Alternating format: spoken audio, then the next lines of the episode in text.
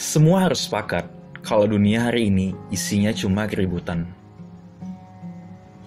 Keributan yang membuatmu kehilangan dirimu sendiri.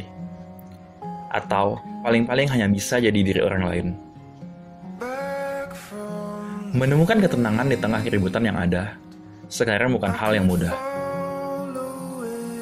Tapi aku percaya, setiap orang akan selalu menemukan alasan dan cara untuk menemukan ketenangannya. Bahkan di tempat paling ribut sekalipun.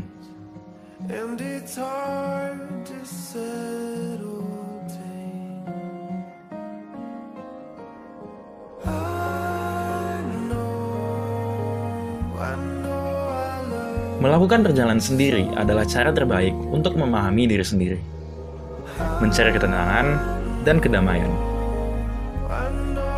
Cara ini juga mengukur seberapa besar diri kita. Karena perjalanan akan membuat kita menjadi minoritas dan keluar dari zona nyaman.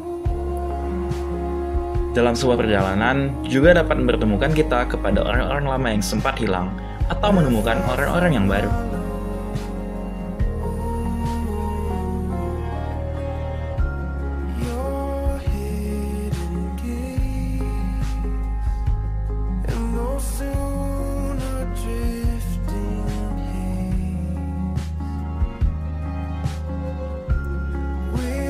Keluar dari rutinitas itu emang selalu menyenangkan. Seperti mempunyai lebih banyak waktu untuk berpikir. Buat lebih bisa merasakan diri sendiri.